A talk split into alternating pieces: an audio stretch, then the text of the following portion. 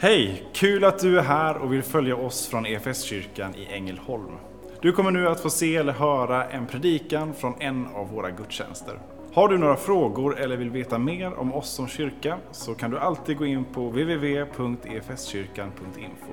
Vill du ha tillgång till mer undervisning eller ta del av våra inspelade konferenser eller gudstjänster gå gärna in på vår Play-kanal, efskyrkan.tv. Nu ska vi lyssna på denna veckas predikan. Vila, vandra, vinna. Det är boktiteln på Watchman Nees bok som får vägleda oss här. Och den boken är, eh, det är Watchman Nees eh, tankar och insikter, ja, eh, men det är Efesiebrevet framför allt eh, som han eh, går igenom. Så det här är inte, eh, det är inte nytt och det är inte för att den här boken är gammal. Watchman Nee dog ehm, eh, på 70-talet eh, och skrev den här, eh, eller hade den här undervisningen långt innan. Men det är gammalt därför att det är Bibeln. Och det är bra att det är gammalt. Vi ska inte komma med något nytt. Någon frågade, ifrågasatte en gång, en journalist ifrågasatte Alf Svensson när han var partiledare för Kristdemokraterna och sa att ni, men alltså, ni har ju hundraåriga värderingar. Nej, nej, sa Alf, tusenåriga. Så eh, Guds ord, det är sanning som har fått prövas under eh, många, många år och har fått eh, skapa en, eh, en världsomspännande rörelse. Jesusrörelsen, kyrkan. Och i Efesierbrevet så skriver Paulus, som först förföljde kyrkan, han eh, satsade allt på att fängsla kristna och få dem avrättade i sin iver att stävja den här falska rörelsen som han såg. Sen så fick han ett möte med Jesus själv och lika ivrig som han var innan i att förfölja, lika ivrig blir han sen att sprida budskapet om Jesus som förvandlade hans liv från mörker till ljus. Och som han sen fick se eh, mängder med människor vars liv fick göra samma eh, helomvändning. Eh, och så skriver han ett brev till församlingen i Efesos. En eh, grekisk församling med både eh, judar och hedningar som har kommit till tro på Jesus. Och så i den första delen av Efesierbrevet så eh, ser Watchman Nee här då hur eh, Paulus tar fasta på vår, vår plats eller vårt förhållande till Gud. Och det innebär vila. Vi har blivit satta tillsammans med Kristus i Guds närhet. Och det är utgångspunkten. Var vi är i Kristus och inför honom, det är vila. Och för att få få bra ingång i, idag. Har ni inte lyssnat på eh, förra veckans predikan så gör det. Eh, eller så köper ni Watchman Nees bok Vila, vandra, vinna eller Sit, walk, stand på engelska och fördjupar er i det. Det här är ehm, en, en riktigt god djupdykning i Efesierbrevet. Eh, här på söndagspredikan så skrapar vi bara lite på ytan. Så se det här som en teaser för djupet som finns i Efesierbrevet. Så inte minst läs Efesierbrevet i sin helhet. Och nästa söndag så ska Magnus få djupdyka i den sista delen, vinna, som handlar om vårt förhållande till andevärlden och det onda. Men idag så stannar vi alltså upp inför det här ordet vandra, som handlar om vårt förhållande till varandra och omvärlden. Så i Kristus kan vi vila, men i den här världen så ska vi vandra. Och Det är viktigt att det sker i den här ordningen. Vi kan inte börja vandra om vi inte först har fått vår plats hos Kristus. Därför att det är därifrån vandringen utgår, det är därifrån vi vet vart vi ska. Och det är ingen slump att, att vandra är det ordet som eh, som Watchman ni väljer att lyfta fram här, därför att Paulus använder det här åtta gånger eh, i mitten av Efesierbrevet när han talar om, om livet, det kristna livet, församlingens liv.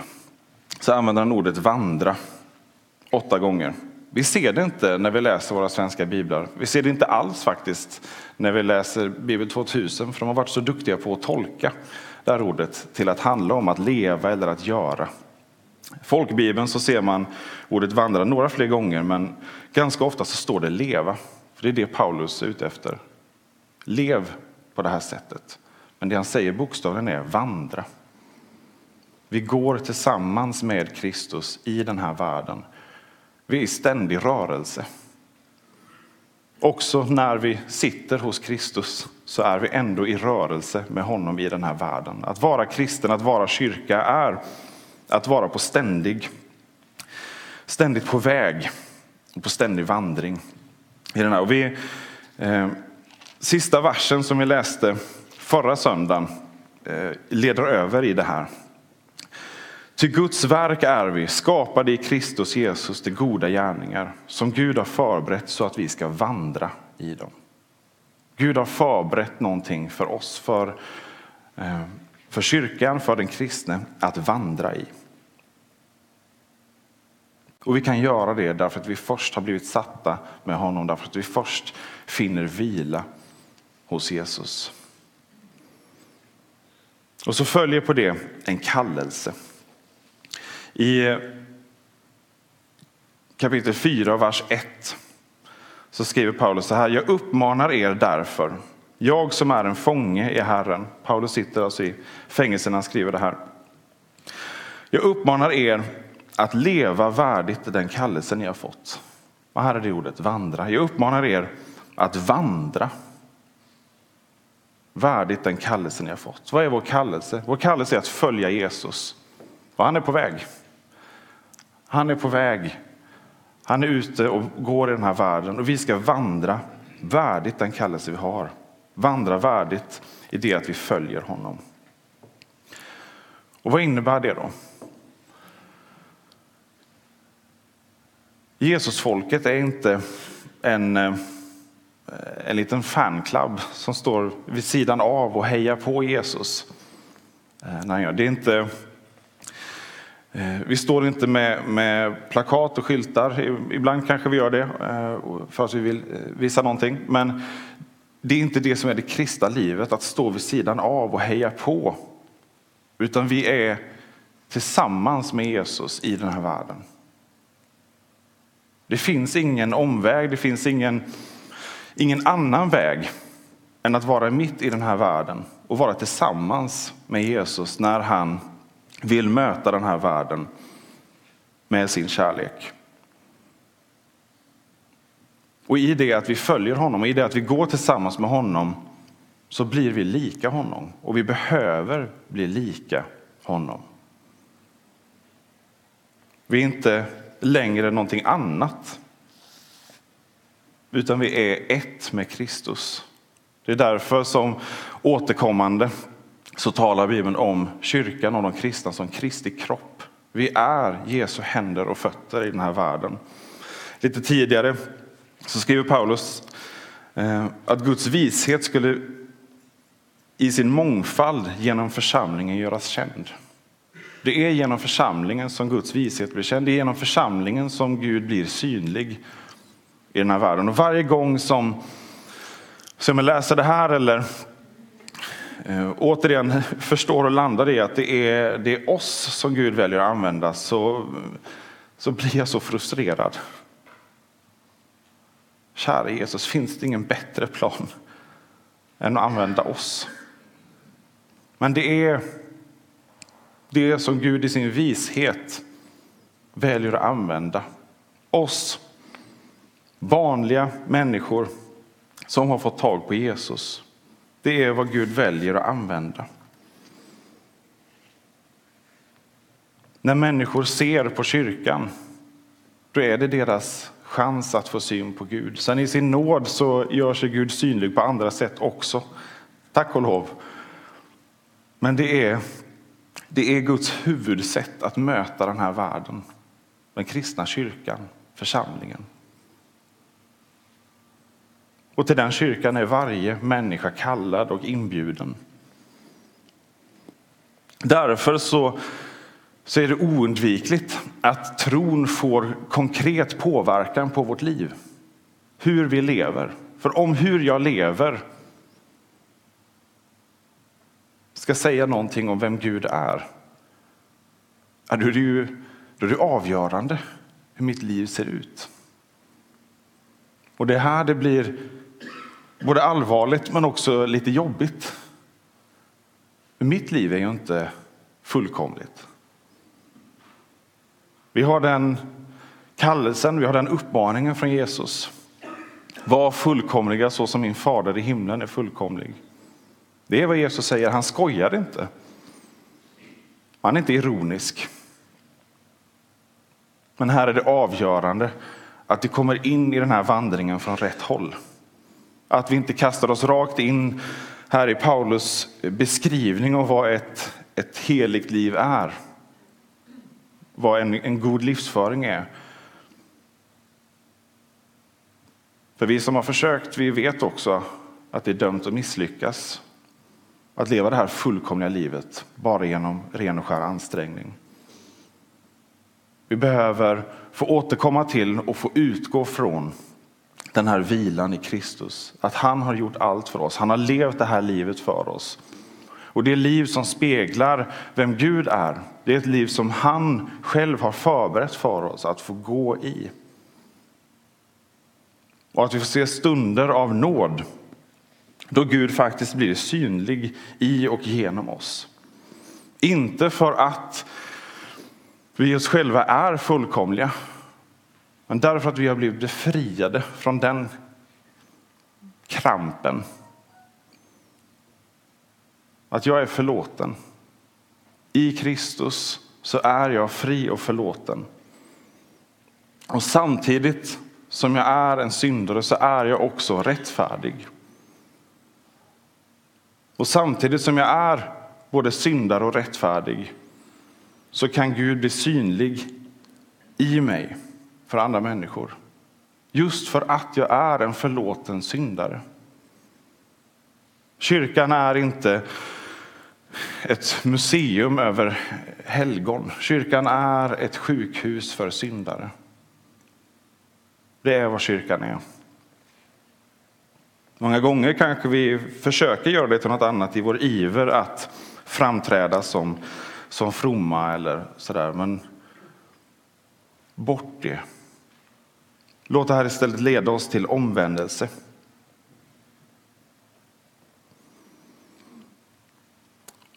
Och låt oss öva. Öva på varandra. Att få leva det här livet. Öva oss i ödmjukhet, i att vara milda, att visa tålamod. Som Paulus skriver, var ivriga att bevara andens enhet.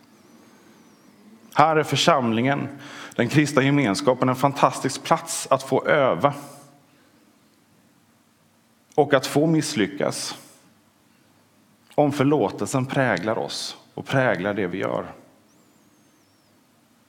Om vi är snabba att förlåta istället för snabba att döma så finns här växtkraften.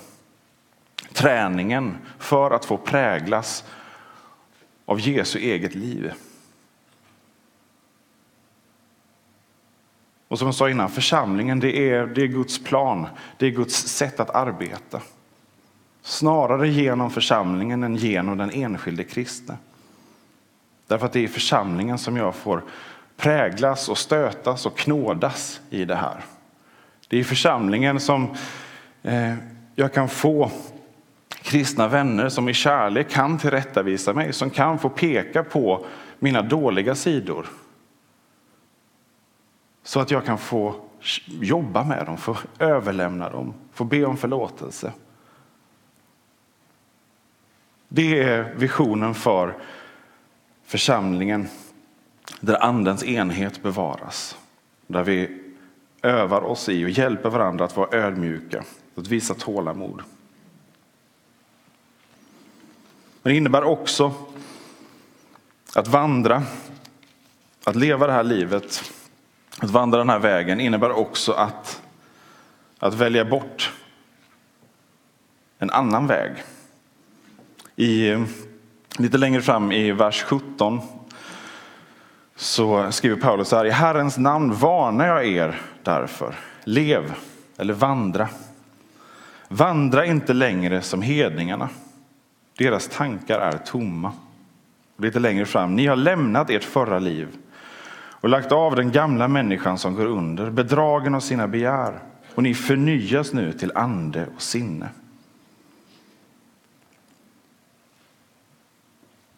Det finns gott om val vi kan göra i livet. Det finns gott om vandringsleder vi kan välja. Alla de lederna är inte bra. Alla de lederna leder inte rätt. Det finns gott om dåliga val vi kan göra. Här uppmanar Paulus oss, varnar oss att lämna de dåliga lederna.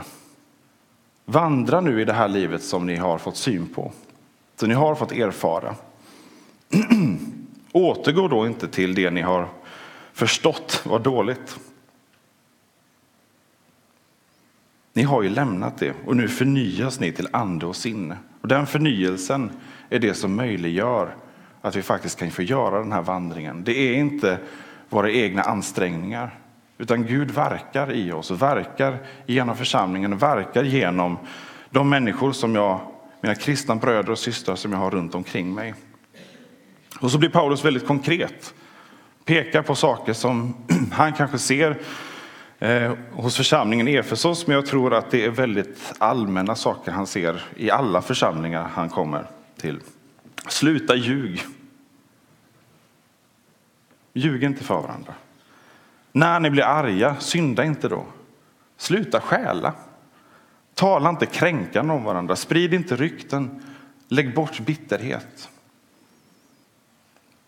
Och så tar han några konkreta exempel som får bli som en, en spegel för oss. En biktspegel talar man om ibland.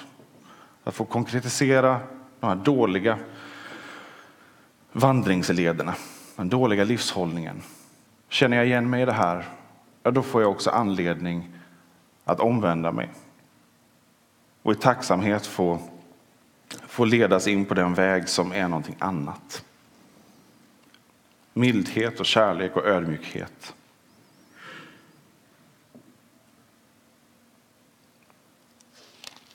I kapitel 5 så inleder Paulus att bli Guds efterföljare, ni som är hans älskade barn. Här har vi den här hållningen mellan vila och vandra bara i den versen. Ni som alltså är hans älskade barn, ni har er plats hos Gud. Ni, ni, ni är barn, ni sitter i pappas knä. Ni är på den platsen. Ni har den fantastiska vilan i tron. Bli Guds efterföljare. Så det finns någonting här av att det, det följer inte bara automatiskt. Att bli kristen, att bli förlåten, där har jag ingenting jag kan göra av mig själv. Jag, jag får ta emot, jag får vila. Men sen inbjuder Gud oss utifrån det till handling, till att vara aktiva, att göra val. Välj vilken vandringsled du tar, välj vilket liv du vill leva. Välj bort det onda och välj det goda. Låt dig få prövas i det här. Låt dig få slipas mot kristna bröder och systrar som kan få tillrättavisa dig därför att de älskar dig. Sök upp människor, omge dig med människor som du har förtroende för, som du vet vill dig väl. Och låt dem få tala in i ditt liv så att du kan få bli Guds efterföljare. Ordet för efterföljare här är på grekiska ett ord som betyder imitatör. Eller mimare kanske man kan säga. Alltså bli, bli så lika Gud att ni i allt återspeglar honom. Ni som redan är hans älskade barn. Se ut som, smaka som, lukta som, rör er som, tala som, se med blicken som, lyssna som, gör som Jesus gör. Bli hans efterföljare. Och så fortsätter han, och lev i kärlek. Vandra i kärlek så som Kristus har älskat oss och utlämnat sig själv för oss som offergåva, ett välluktande offer åt Gud. Om vi tycker det är krångligt att förstå vad som är bra och vad som är dåligt, se på Jesus. Det är han vi följer. Det är honom vi ska efterlikna. Vad gör han för val? Vad gör han för prioriteringar? Hur bemöter han människor? Vad talar han om? Vad säger han är viktigt? Se på Jesus. Ni som är Guds älskade barn och bli hans efterföljare. Imitera honom. Vandra i kärlek. Vandra i kärlek. Så som Kristus har älskat oss. Han offrade sig. Han höll inte på sina rättigheter. Utan han gav helt av sig själv. Det spelar ingen roll var vi kommer ifrån, att vi har dåliga förutsättningar. Lite längre fram skriver Paulus, ni var en gång mörker, men nu är ni ljus i Herren. Vandra då som ljusets barn. Ja, ja, ni var en gång mörker. Det är inte problemet. Nu är ni ljus. Vandra då som ljusets barn. Var vi kommer ifrån behöver inte alls definiera vart vi är på väg eller var vi hamnar. Utan det är vilken vandring vi gör och vem vi följer. Låt oss då följa Jesus. Och det kräver övning. Det kräver förbön. Vi behöver göra den här vandringen tillsammans. Vi behöver gå tillsammans eh, med våra kristna bröder och systrar.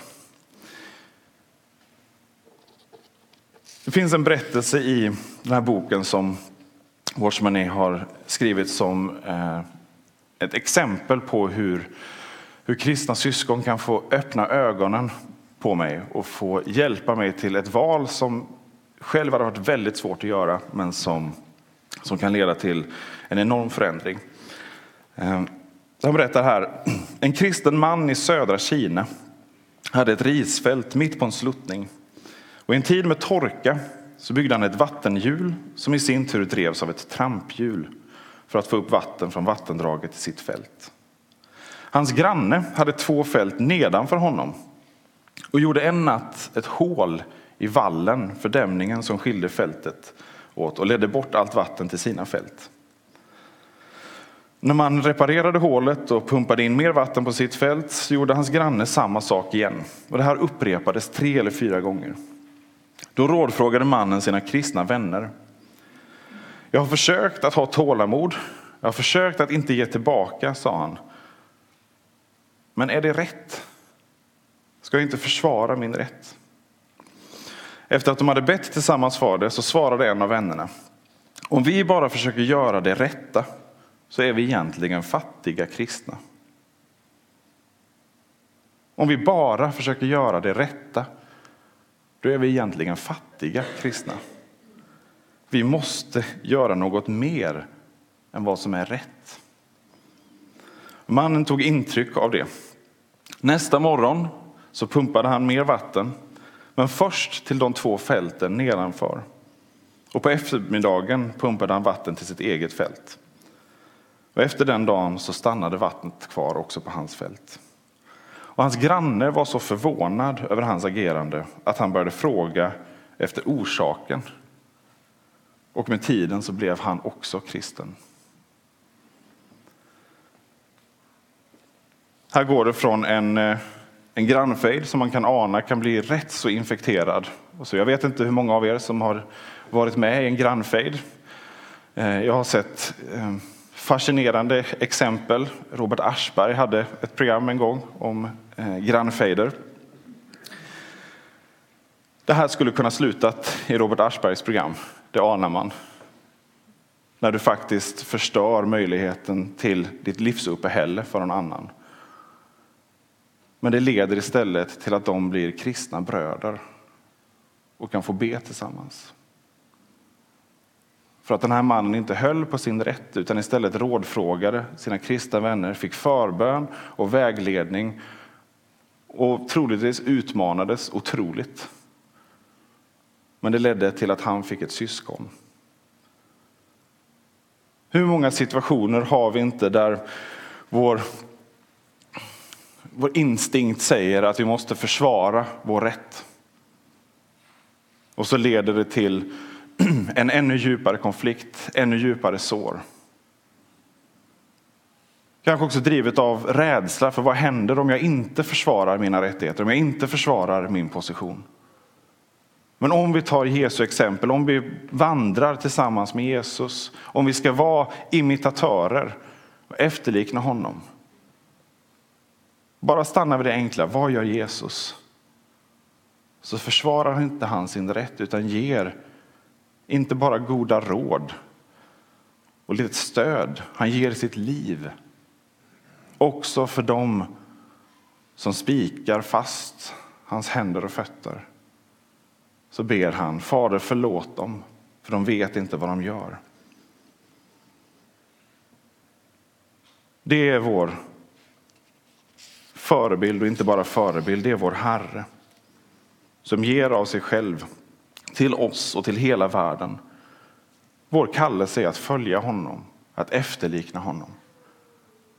Det kommer leda oss på den här vandringen till platser som är situationer som är fruktansvärt jobbiga. Men vi har alla förutsättningar för att ta oss igenom de situationerna. Att övervinna konflikter, inte genom att vinna, men genom att gå försoningens väg och få se att den som jag trodde var min fiende kan få bli en kristen syster eller broder. Och kanske är det just den konflikten som du har just nu, där din kallelse är att utöva mycket tålamod, mycket kärlek som leder till att du får en kristen broder eller syster som sen kommer in i en, en helt annan kallelse för sitt liv. Och så har du 1500 människor som lär känna Jesus. Därför att du stannade upp och frågade Jesus, vad vill du att jag gör i den här situationen? Guds vishet görs synlig genom församlingen. Hans vishet är så mycket större, så mycket högre än vår. Vi bedömer varje situation utifrån våra egna erfarenheter, ofta våra egna sår. Guds vishet går långt över det och han vill bära oss i varje situation. Fylla oss med sin kraft och använda den relationen, den situationen för sina syften. Det är inte vår vandring. Det är ett liv som Gud har förberett för oss att vandra i. Och vi får fråga oss, för varje område, för varje relation som vi nu anar att Gud vill leda oss i och vara i. Finns det områden som jag har svårt för. Det finns områden som jag har lätt för att släppa in Gud i och ta hans ledning. Men vilka områden finns det som är, är svårt? Paulus tar exempel på eh, relationer i församlingen, i familjen, i arbetet. Var finns områdena, situationerna där det är svårt? Där behöver vi få både omvända oss men också få ta klivet till det här första steget landa i vilan. Jesus Kristus har gjort allt. Du har din plats hos honom. Du har fått all rättfärdighet i hela världen genom honom. Vad kan jag då överlämna till honom så att det får bli till välsignelse, helande, upprättelse och räddning för andra människor?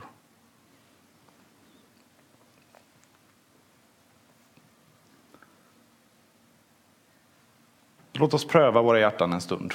Få, få lyssna på vad Jesus säger. Är det någonting som han vill, eh, vill peka på? vi blundar och eh, är stilla en stund.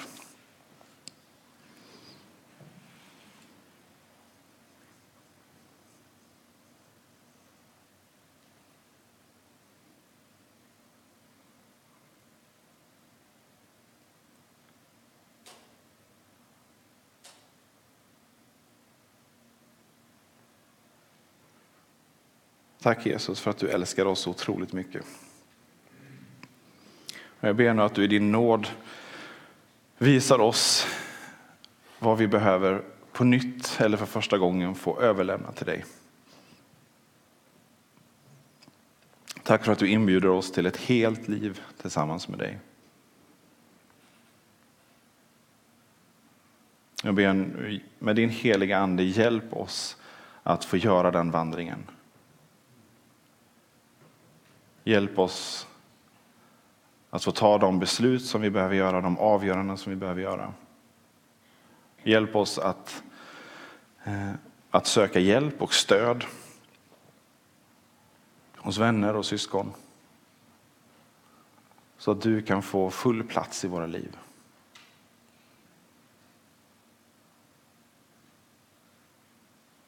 Du ser precis vad som rör sig i, i oss och i våra liv. Jag tackar dig för att ingenting är ett hot för dig eller något omöjligt. Du som hade allt, du gav allt för oss. Jag ber nu, låt oss få ge våra liv till dig och för dig så att den här världen kan tro. Hjälp oss att vandra i kärlek.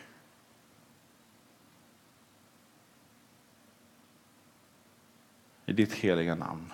Amen.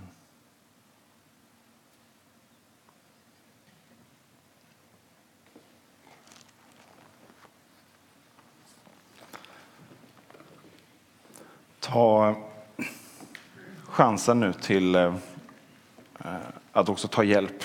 Öva dig i ödmjukheten att be någon av våra förebedjare att be för dig och få lyfta tillsammans med dig de människor, de situationer som du har i ditt liv och som du behöver få bära fram till Herren och överlämna till honom. Vi fortsätter att sjunga och be. Som kyrka är det en glädje att få spela en liten roll av allt Gud gör i och genom ditt liv. Vi vill gärna fortsätta följa dig på den resan. Och vill du ta reda på vad ditt nästa steg kan vara på din resa med Gud så gå in på efskyrkan.info nästa steg. Vår längtan är att få se människor och samhällen förvandlade av Jesus.